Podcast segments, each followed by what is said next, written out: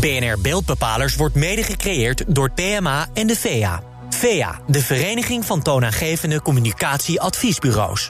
BNR Nieuwsradio. BNR Beeldbepalers. Diana Matroos. Welkom bij BNR Beeldbepalers, het enige radioprogramma waar het beeld centraal staat en waar we complexe communicatievraagstukken oplossen. Met dit keer. We hebben nu een masterclass over taal. Leuk dat u er bent. Monotoon, hè? Dan, dan bent u met drie minuten ingepit. We gaan het hebben over het brein. Over de hersenen. Ja, wat mij betreft niks mooiers dan het daarover te hebben. De aanwezigen in de zaal, ook in de schoolbanken, hangen aan zijn lippen als hij over het brein vertelt. Toch komt zijn boodschap niet altijd meteen over. Denk bijvoorbeeld aan het eh, rapport waarin wetenschappelijke argumenten staan waarom het een slecht idee is om kinderen het land uit te zetten. Dat duurde en duurde maar voordat het werd opgepikt. De communicatie tussen politici en wetenschappers moet beter. De vraag is alleen hoe. Daarover praat ik met mijn gast van vandaag.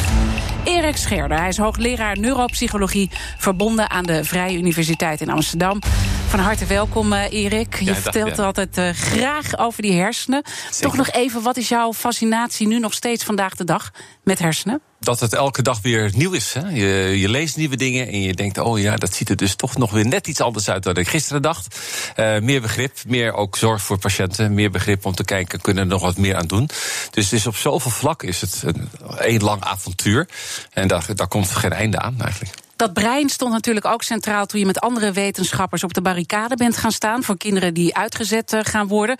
Want uit wetenschap blijkt dat, ze, dat het zeer stressvol is voor die kinderen. En dat is dan weer mogelijk schadelijk voor de hersenen. Wat gebeurt er precies in de hersenen? Ja, eh, we hebben dat uh, rapport geschreven samen met twee orthopedagogen, Eliana Seilstra en Carla van Os uit Groningen. Dus we hebben het van verschillende kanten uit benaderd. Kijk, chronische stress, zelfs al de dreiging dat je wordt uitgezet, zijn ook, is ook zijn studies naar gedaan. Dat levert al stress op. En die stress die zorgt er eigenlijk voor dat gebieden zoals de voorzijde van je brein, maar ook gebieden die uh, een grote rol spelen bij geheugen. Denk aan de hippocampus, zit aan de binnenkant van je slaapkwap. Essentieel voor geheugen. Dat zijn gebieden die een, normaal gesproken ook een demping hebben, een remming hebben op je negatieve emoties.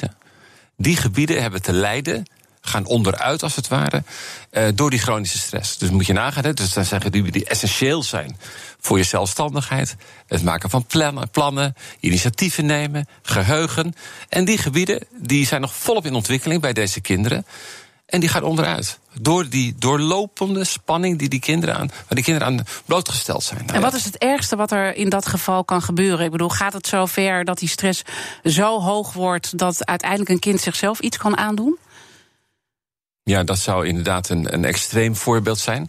Maar je kunt je, de literatuur is daar ook vrij helder over. Kijk, die kinderen die uh, hebben eigenlijk al die capaciteiten nodig om ook een toekomst op te bouwen. Hè. Uiteindelijk om te kunnen leren, maar ook om sociaal te kunnen leren. Vergis je niet dat je invoelend vermogen, hè, dat is iets wat wij een sociale cognitie noemen.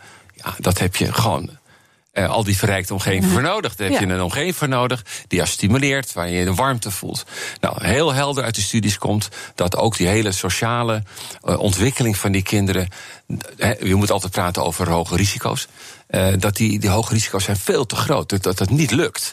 Dus wat, wat voor toekomst gaan die kinderen tegemoet? En dan moet je nog eens voorstellen dat als die kinderen dan uiteindelijk worden uitgezet dan moet je juist eigenlijk precies die functies hebben, je aanpassen, eh, proberen wat van te maken, die bij hun nou al in Nederland al heel kwetsbaar zijn. Dus wat voor kans maken die kinderen als je ze uitzet? En dat is ook precies de reden waarom je met een aantal wetenschappers met dat dikke rapport in de hand uh, bent gaan staan en op de barricades uh, bent gegaan. Nou is dat kinderpardonnen natuurlijk. Gaat dit nu ver genoeg wat jou betreft? Zeker niet. En, en, dat zeg ik niet omdat je dan misschien mensen denken, nou, hij is ook echt nooit tevreden. Of die groep, hè. Nou, heeft hij dan toch, of zij hebben uh, dat bereikt? Ja, zeker heel fijn, heel fijn. Maar er is nog een grote groep kinderen. Kijk, we hebben nu die grens is gelegd bij vijf, niet door ons, maar bij vijf jaar en langer in Nederland. Maar ook kinderen van drie jaar in Nederland, vier jaar in Nederland. Uh, er zijn kinderen die nu nog steeds die dreiging van uitzetting hebben. Omdat ze via allerlei andere ingewikkelde routes niet binnen dat pardon vallen geldt dan voor die kinderen die schade niet? Natuurlijk geldt die schade voor die kinderen. Dus het is geweldig dat die grote groep mag blijven. Maar we zijn nog lang niet zover dat we zeggen: kom op, politiek, ga met ons aan tafel. Laten we zeker kijken hoe het zit met die grote groep kinderen die echt nog nu aanwezig is. Met al die argumenten in de hand. Dus dan heb je aan de ene kant heb je de wetenschap. Ja. Uh, de andere kant heb je de politiek. En Ja. daartussen heb je communicatie. En daar gaat nou net ook uh, beeldbepalers natuurlijk Ja. over. Welke zaken bepalen je beeld en hoe verloopt dan die communicatie? Uh, uh, hoe is dat gegaan? Want dit is eigenlijk al begonnen met Lilian Howick. Toen heb je ook gewoon de staatssecretaris benaderd hiervoor. Ja, ik heb hem. Ik kon via justitie kon ik, ik heb ik in ieder geval zijn mobiel nummer gekregen. Dus ik heb hem gebeld eerst. Nou, werd niet opgenomen, kan ik me wel voorstellen.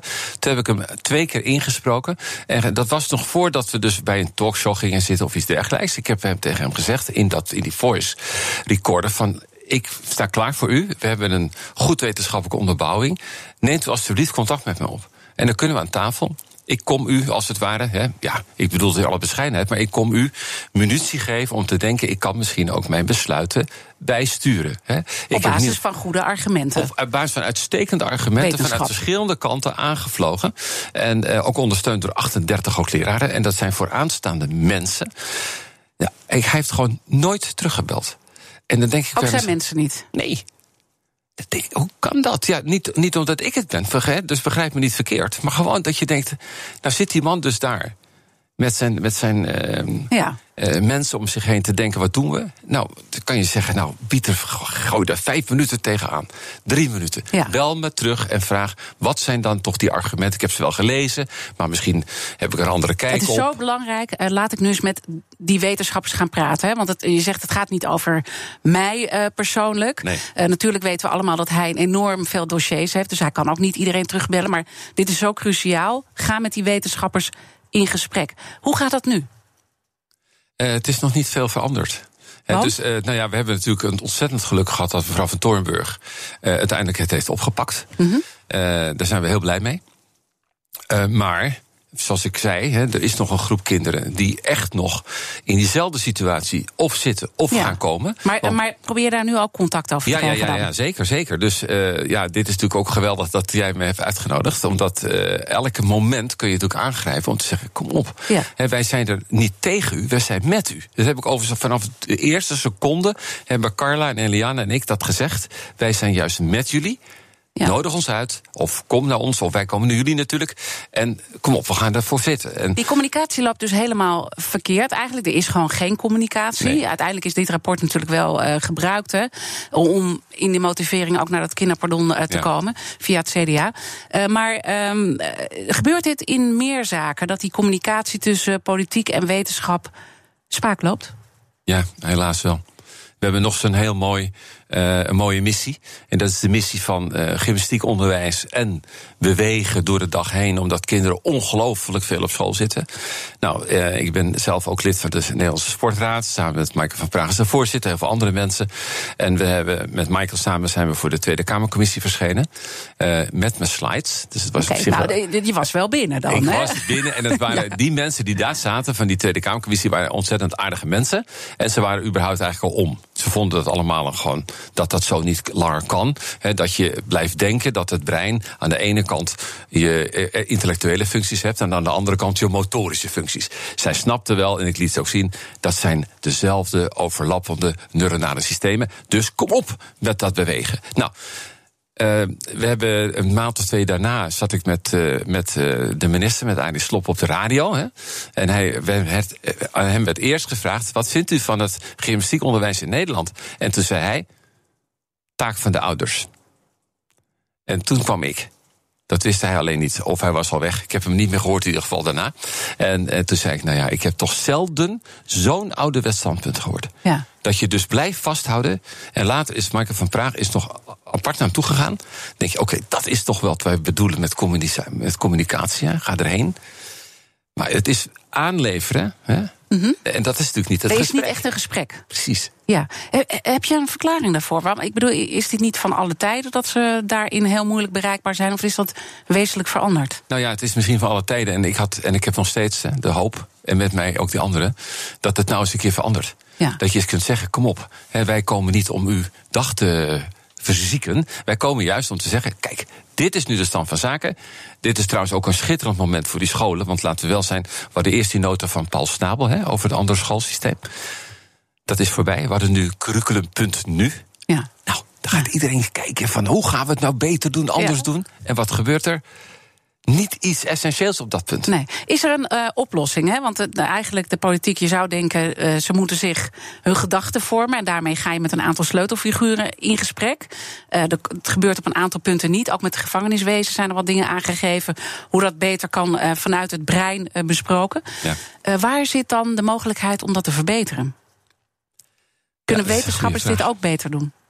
Ehm, ja, misschien hebben wij eh, of niet de goede toon, of eh, is de aanvliegroute toch een niet juiste. Maar dan zou het fijn zijn als de politiek zou kunnen aangeven van doe het op die manier of die manier, dan bereik je ons eerder.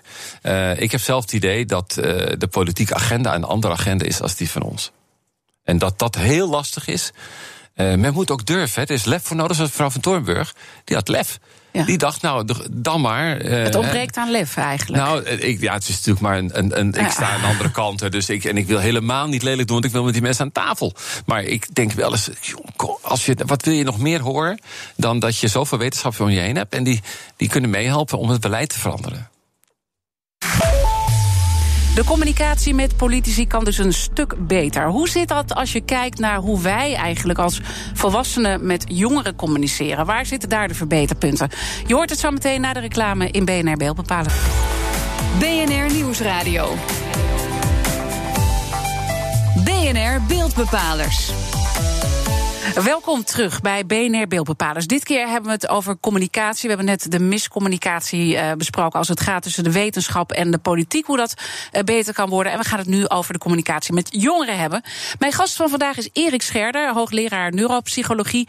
En eh, Erik, je weet natuurlijk alles van de hersenen. Dus als we dan eventjes kijken, bedoel, misschien zitten wel ouders nu te luisteren die ook af en toe gefrustreerd zijn dat hun kinderen niet luisteren of docenten. Er zijn heel veel mensen die met jongeren communiceren en misschien kan dat wel beter. Hoe kan je nou dat gedrag positief beïnvloeden en wat moet je dan weten van de hersenen? Ja, nou, het, zou, natuurlijk zeker helpen als je een beetje een beeld hebt van eh, eh, het feit dat bijvoorbeeld zo'n prefrontale cortex, waar we het vaak wel over hebben, de voorzijde van het brein, eh, die is het laatste klaar. En dat duurt ongeveer 30 jaar. En dat is alleen al vaak voor ouders dat ze denken: oh joh, daar denk ik eigenlijk helemaal niet aan. Dat dat niet al lang volgroeid is. Maar dat zijn wel de gebieden van je brein die zorgen voor het controleren van je impulsen. Dus dat kinderen zijn impulsief. Dat is op, op zich natuurlijk ook heel leuk. En dat ze niet kijken naar de gevolgen, dat is logisch, want dan heb je de hele prefrontale cortex voor nodig. Hè, men zegt wel eens, een beetje populair wetenschappelijk. Je bent, je bent briljant tot je dertigste. En waar komt dat? Het is populair wetenschappelijk, Ja. hè? Waar komt dat idee vandaan? Je hebt een impuls, je hebt een idee, je holt erachteraan en je denkt niet na over de gevolgen. En dan kan het wel eens een heel goed idee zijn. Als ik nu nog wel eens een goed idee zou hebben, er komen niet zoveel meer voor, maar stel al, dan denk ik al gauw, ach weet je, laat maar, want die begint. En ik ben geremd geraakt, hè? gelukkig niet te veel. Maar je kunt je voorstellen. Dus als je dat snapt, dat een kind impulsief is en dingen doet, dan is er al heel veel dat je denkt, oké ja, Ja. je kunt het, dat kind eigenlijk ook Oké, niet dus dat is, het, eh, dat is het begrip. Je kan het niet eh, kwalijk nemen, maar toch wil je dat gedrag op een positieve manier beïnvloeden. En af en toe zijn die impulsen pakken wat negatief uit. Wij kennen elkaar ook van het programma Dream School, waar we Ja. allebei les hebben gegeven aan eh, kinderen samen met een heleboel eh, eh, andere eh, mensen. En het mooie was, ze liepen allemaal weg. Met jou, die jongeren. Dus dit waren hele moeilijke jongeren Ja. die echt vreselijke dingen, heel veel stress hebben gehad in hun leven. Wat maakt het dan dat jij op dat moment doet waardoor je goed met ze communiceert? Ja, ik heb daar eerlijk gezegd niet 1, 2, 3 het antwoord op. Wat ik wel in ieder geval gewoon automatisch heb in mezelf, is dat je gewoon gelijk bent aan de ander. Dus ik ben niks anders of wat dan ook. En dat, eh, dat voelde ik ook bij hun zo. Eerlijk gezegd dacht ik nog, joh, wat jullie achter de rug hebben, hè, dat, dat, ja, dat, daar heb ik met groot respect naar gekeken, want ik ken de achtergrond natuurlijk van die kinderen. Eh, en ik heb ook van tevoren gedacht van, ja, wat zou ik nou kunnen doen om hun te laten zien van, eh, jullie hebben al veel achter de rug, maar hè, denk eraan, je hersenen zijn toch wel een, een ontzettend prachtig bezit en kun je aan blijven werken. Toen heb ik ook dat punt gemaakt van het doorgroeien. En toen heb ik de eerste keer heb ik toen dat brein meegenomen, kun je nog herinneren, hè, de echte Ja, hersenen. En ik weet nog wel, in eerste instantie, eh, echt ze deinsden achteruit. Ze dachten, nee, daar wil ik echt niks van te maken. Maar op één na had iedereen heeft dat brein heel ja, liefdevol en echt met enorm veel respect hebben dat brein vastgehouden. En, en toen gevoeld van ja, dit, dit is, dat heb ik ook. En dat is natuurlijk wel met al heeft tikken gehad. Maar er is nog heel veel goeds aan. En ik liet ze natuurlijk ook zien. Kom op. Je hebt nog heel veel tijd, heel veel jaren. Dat was één. En uh, de andere keer, toen heb ik Paul Muller meegenomen. Uh, een jonge jongen na een uh, hersenbloeding, halfzijdig verlamd. En die jongen deed geweldig zijn verhaal over hoe hij s'morgens opstaat. En hoe lang hij nodig heeft om een beetje bij de mensen te komen. En hoe zijn leven veranderd is, baan kwijt, alles kwijt. En toen zag je heel erg dat die kinderen empathisch. Je merkte gewoon, ze gingen meevoelen en zeiden: Oh man, respect, zeiden respect hè. Joh, wat heb jij voor een leven? Hè? Ja. Nou, daar hoefde ik eigenlijk niet zoveel aan te doen. Dus ik die hoor eigenlijk twee dingen hoor ik je zeggen. Die gelijkwaardigheid is heel belangrijk. Ik behandel ja. ze als uh, gelijk. En uh, je moet het, moet het dichtbij um, ja. krijgen, een verhaal. Hè? Dat is eigenlijk hoe je het ja. op die manier hebt gedaan. Uh, ik kan me ook voorstellen dat je ook wel hebt gezien, want dat heb ik toen ook gemerkt. En dat merk ik trouwens bij onze eigen jongens, uh, ook die tieners uh, zijn. Dat ze continu met die mobiele natuurlijk bezig zijn. Nou, dat is ook helemaal prima, die digitale en die fysieke wereld. Ja. Maar toch maak jij je ook ergens zorgen om. Ja, omdat die, uh, er zijn heel veel studies inmiddels die laten zien dat, die, dat dat gamen met die digitale screentime, de tijd achter je schermpje, uh, dat dat heeft zijn goede kanten. Laat ik dat absoluut voorop stellen. Dus je bent, ik ben echt voor de nuance. Maar wat heel erg achteruit is gegaan, is de fysieke inspanning. De lichamelijke activiteit. Kinderen spelen weinig buiten. Sporten heel weinig. Uh, of ze gaan naar de sportclub, maar de rest van de week doen ze niks. En dat is nou juist voor die ontwikkeling van dat mooie deel vooraan in je brein. Hè, wat uiteindelijk zorgt voor zelfreflectie. Hoe doe ik het eigenlijk? Uh, denk ik ook eens aan een ander.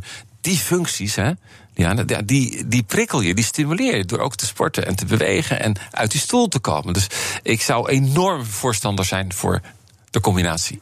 Ja, en tegelijkertijd worden ze continu geconfronteerd met zaken die beter kunnen. Waarvan jij zegt, uh, die communicatie die ze dus hebben met dat soort beelden, oh ja, ja. zorgt ervoor dat het ook weer stress geeft. Dat is een goed punt dat je dat zegt. Hè. Dus de, de, je, je spiegelt je en je ziet dus aan de aan Instagram of op Twitter of wat dan ook, Facebook, dat anderen het veel beter doen. En je denkt, nou, dat wil ik ook. Hè, maar de vraag is of je het allemaal wel kunt op die leeftijd. We zijn alweer aangekomen bij de conclusie. communicatie stond uh, bij ons centraal vandaag. We hebben natuurlijk eerst de miscommunicatie tussen uh, politiek en wetenschap met elkaar besproken. En nu de miscommunicatie met jongeren. Heb je nog bepaalde tips vanuit jouw kennis, vanuit de hersenen, hoe we nou ja, beïnvloedbaar zijn? Wat we moeten doen om goed te, te kunnen communiceren? Nou, ik denk dat, dat wat mij betreft zou het woordje empathie, invoelend vermogen uh, zou een geweldig grote rol kunnen spelen. Dat je echt de moeite doet. Pak de positie van de ander nou eens mee. Kijk eens, oh, dat geldt voor je kind, dat geldt ook voor de politiek. Laat die ook eens kijken, wat doen, willen, willen die wetenschappers eigenlijk? En ik denk dat dat een hele grote stap zou zijn. De empathie, de invoelendheid vermogen... zou schitterend zijn als ze dat erin kunnen brengen. En staat dat ook in relatie nog tot je hersenen? Dat op het moment dat je de empathie inbrengt... dat oh, daar dan ja. een stofje ontstaat waardoor je ook makkelijker met elkaar ja, communiceren? Ja, ja, nou stofjes ook. Maar als je kijkt naar het grote baansysteem, dat loopt van voor naar achteren, Diana, mm -hmm. door je hele brein heen. En dat bepaalt uiteindelijk je invloedend vermogen. Dus uh, ja, dat is een schitterend systeem in je brein. En nu hoop je natuurlijk dat uiteindelijk ze hebben geluisterd. En dat uh, die politiek een beetje wat beter naar jullie uh, gaat luisteren. Ja, ik hoop het hard. Ja. ja. heb je nog plannen? Ga je dingen ondernemen richting de politiek? We gaan heel veel dingen ondernemen met de groep die zich inzet voor de kinderen. Die nog in Nederland zijn en toch gedreigd worden met die uitzetting. Dus daar zijn heel veel plannen voor. We komen binnenkort deze week bij elkaar. En, dus we gaan grote stappen tipje ondernemen. Van de, tipje van de sluier? Tipje van de sluier. nou, het liefste zou ik natuurlijk gewoon een keer met en wij met de staatssecretaris gewoon aan tafel gaan. Ja, gewoon heel simpel, zijn. gewoon een gesprek. Fijn. Nou, wie weet uh, heeft hij geluisterd. De beeldbepaler van de week. We komen toe aan de beeldbepaler van de week. En uh, we zijn natuurlijk altijd benieuwd wie bepaalde deze week het beeld. Redacteur Madelief van Haarlem is zoals altijd bij ons aangeschoven. Vertel. De beeldbepaler van de week is de reclame van biermerk Bud Light. En die werd, naast een heleboel andere reclames, uh, laten zien tijdens de commercial break van de Super Bowl in Amerika. Uh, we hebben het al in vaker in onze uitzendingen gehad over reclames. Wat moeten die nu eigenlijk allemaal bevatten? Nou, creativiteit, humor en ze moeten ook vooral echt bij het merk passen. Echt een verhaal kunnen brengen. Uh, volgens Roger Vijverberg, hij is uh, creative director uh, bij het reclamebureau Superheroes. Die hebben een filiaal in Amsterdam en in New York. En die hebben dat allemaal gevolgd voor ons. het biermerk heeft een commercial gemaakt van vijf films. En dat speelt zich af in een bepaalde setting van Game of Thrones. Nou, wat bleek nou? In die vijfde commercial ging het niet om een commercial, maar het ging om een aankondiging van een nieuwe, van een volgende seizoen. Oh. Luister maar even mee wat hij daarover zegt. Dat was toch wel echt super verrassend. En, en een fantastische samenwerking eigenlijk ook ineens van een uh, merk zoals uh, Budweiser met ja, een hele succesvolle HBO-serie. En dat soort samenwerkingen zie je eigenlijk nog niet zo vaak. Dus dat was wel echt, echt een topper. Ja, en overigens vond Roger, moet ik zeggen, die uh, vond het van Audi ook een hele goede reclame. Uh, dat was vooral heel erg veel humor. We hebben die ook straks eventjes op onze website staan. Dan kun je allebei de reclames eventjes goed bekijken waarom die nou eigenlijk zo goed zijn. Oké, okay, noem nog even de website waar ze dan precies moeten zijn. bnr.nl slash beeldbepalers. Kijk, daar kan je ook natuurlijk alle onze uitzendingen uh, terugkijken. terug luisteren, moet ik zeggen. Af en toe haal ik televisie en radio een beetje door elkaar. Heel, heel stom. Um, uh, Erik, we hebben nog, ik, ik zie dat ik gauw nog een minuutje heb. Dus oh, die leuk. maak ik nog even gebruik van jouw uh, expertise. Want we hebben natuurlijk over die communicatie uh, gesproken. Mm. Maar kan je ons nog een beetje meegeven hoe we een beetje onze eigen hersenen goed kunnen trainen? Zodat we gewoon oh, ja. gelukkig. Uh, zonder ja. stress door het leven Fijn gaan. dat ik dat minuutje nog van je gekregen heb. Nou, de, kijk, het zijn overigens niet mijn meningen. Ik baseer me graag de studies. Ja? En die zijn helder. Hè? Dus de combinatie tussen cognitieve inspanning en fysieke inspanning. En dan hoef je niet van naar de sportschool per se, maar kom uit je stoel. Dat is eigenlijk dus een actieve leefstijl. Je weet, leefstijl is echt nu. Heel ja, hot. ja, ik ben weer hard aan het werken. Ja, en, ja. ja, maar het is eigenlijk vooral die combinatie die zo geweldig is. Dus als je dagen hebt waarvan je denkt, nou, ik heb een leuke dag gehad, maar ik heb eigenlijk niet nagedacht.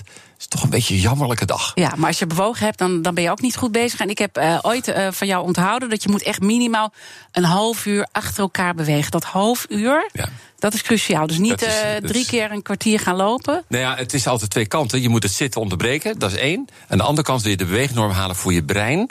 En dat is een half uurtje aan één stuk. En wat is het nog? Op 24 uur, Diana. Ja.